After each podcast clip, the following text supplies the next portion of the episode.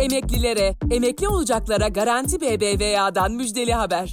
15 bin liraya varan promosyonun yanında ücretsiz havale, EFT ve fast fırsatı sizi bekliyor. Hemen Garanti BBVA mobili indirin, maaşınızı taşıyarak fırsatları keşfedin. Ayrıntılı bilgi Garanti BBVA.com.tr'de. Bugün 11 Eylül 2021. Kısa dalga olarak güzel bir gün dileriz. Ben Demet Bilge Erkasap. Gündemin önemli gelişmelerinden derleyerek hazırladığımız Kısa Dalga Bülten başlıyor. 17-25 Aralık soruşturmaları ile ilgili dosyamda ne varsa doğrudur diyen eski Çevre ve Şehircilik Bakanı Erdoğan Bayraktar'dan yeni bir açıklama geldi. Gazeteci Fikret Bila, Bayraktar'ın kendisine tarafsız bir savcı çıksın, dosyaları incelesin. Gerek görülürse Yüce Divan'a gitmekten de korkmam dediğini aktardı. Anayasa Mahkemesi barış bildirisine imza attığı gerekçesiyle üniversiteden ihraç edilen akademisyen Latife Akyüz'ün yurt dışına çıkış yasağı nedeniyle akademik olanaklardan yararlanamamasını hak ihlali kabul etti. Anayasa Mahkemesi'nden başka bir önemli hak ihlali kararı daha çıktı. KPSS'yi kazanarak kütüphaneci olarak yerleşen İdris Ertaş'ın ataması istihbari bir bilgi notuna dayanılarak yapılmadı. Ertaş'ın başvurusu üzerine Anayasa Mahkemesi bu tür bilgi notuna dayanan yargılamanın adil olmadığına hükmetti. Kanser ilaçlarının gümrükten giriş fiyatı ile Türkiye'de satış fiyatı arasında 46 kat fark olduğunun ortaya çıkması üzerine SGK'da 5 daire başkanı görevden alındı. Deva Partisi sözcüsü İdris Şahin, Diyanet İşleri Başkanı siyasetin konusu olan alanlara girerek anayasayı açıkça ihlal etmektedir dedi. Memleket Partisi Kurucular Kurulu ve Genel Disiplin Kurulu üyesi Mustafa Tayfun Laik partisinden istifa etti.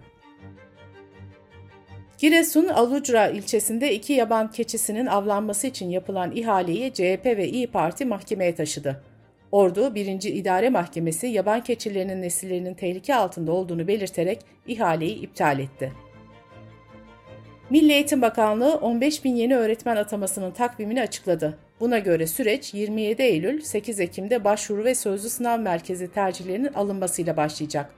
Atama sonuçları ise 31 Ocak 2022'de açıklanacak.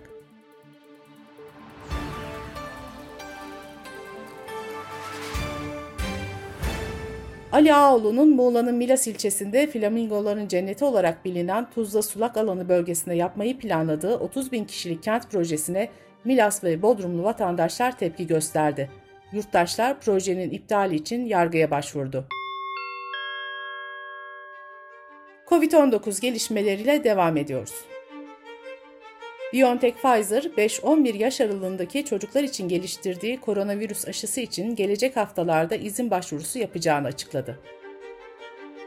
ABD Başkanı Joe Biden, Delta varyantı nedeniyle federal memurlar ve sözleşmeli çalışanlar için aşı zorunluluğu getirdi.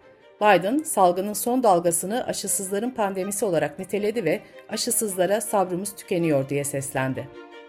Avrupa Birliği, Japonya, Azerbaycan, Ermenistan, Sırbistan, Arnavutluk ve Brunei'yi güvenli seyahat listesinden çıkardı. Hacettepe Üniversitesi Tıp Fakültesi Çocuk Enfeksiyon Hastalıkları Bilim Dalı Başkanı Profesör Doktor Mehmet Ceyhan, çocuklarda görülen korona vakalarının klinik tablolarında farklılıklar olduğunu söyledi. Ceyhan, aileler burnu akan bir çocuğu koronavirüs olabilir diye düşünmeli dedi.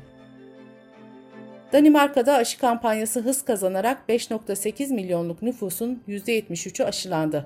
65 yaş ve üzeri vatandaşlarda aşılanma oranı %96'yı buldu. Danimarka dün koronavirüs kısıtlamalarını tümden kaldırarak normal hayata geçti.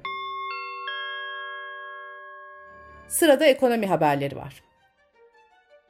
TÜİK'in açıkladığı Temmuz ayı iş gücü verilerine göre işsizlik oranı bir önceki aya kıyasla 1.4 puan artarak %12 oldu. Genç nüfusta işsizlik oranı %23.1'e yükseldi. TÜİK'in verilerine göre Temmuz ayı inşaat maliyetleri aylık bazda %2.56, yıllık bazda ise %44.76 arttı.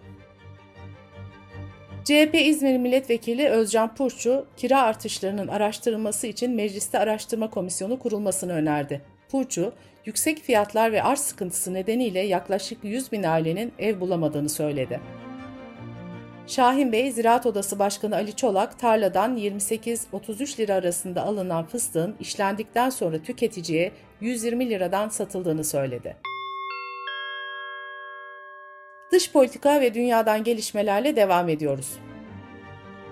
Taliban sözcüsü Haşimi, Afganistan'da açıkladıkları yeni kabinede hiç kadın olmaması ile ilgili kadınlar bakan olamaz, onlar doğum yapmalı ifadelerini kullandı. Amerika, Taliban'ın Afganistan'dan yapılan ilk ticari uçuş öncesinde gösterdiği tavrı övdü. Açıklamada Taliban'ın tutumu iş ciddiyetine uygun, işbirliğine açık ve profesyonel olarak nitelendirildi. İngiltere Ulusal Sağlık Servisi, ölüm yıldızı adı verilen mutasyonla akciğer kanserindeki tümör büyümesini durduran bir ilacı Avrupa'daki hastalara vereceğini duyurdu.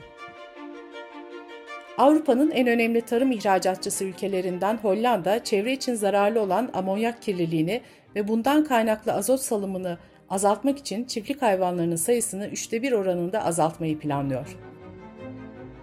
ABD Adalet Bakanlığı, Teksas eyaletinde 6 haftayı geçmiş gebeliklerde kürtajı yasaklayan düzenlemeye karşı kamu davası açtı. Fransa Sağlık Bakanlığı ücretsiz doğum kontrol hapı dağıtımında 18 olan yaş sınırını 25'e çıkardı. Twitter, otomatik paylaşımlar yaparak gündemi değiştiren bot hesaplarının önüne geçmek için yeni bir özellik duyurdu. Bu özellik sayesinde artık kullanıcılar bot hesapları tespit edebilecek.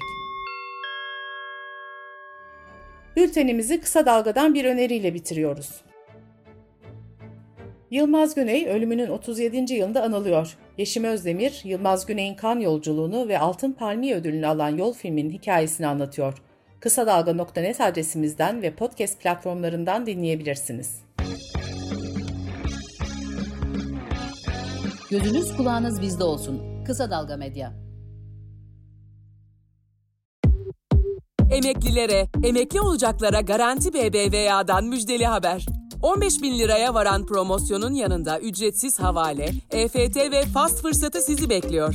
Hemen Garanti BBVA mobili indirin, maaşınızı taşıyarak fırsatları keşfedin. Ayrıntılı bilgi Garanti BBVA.com.tr'de.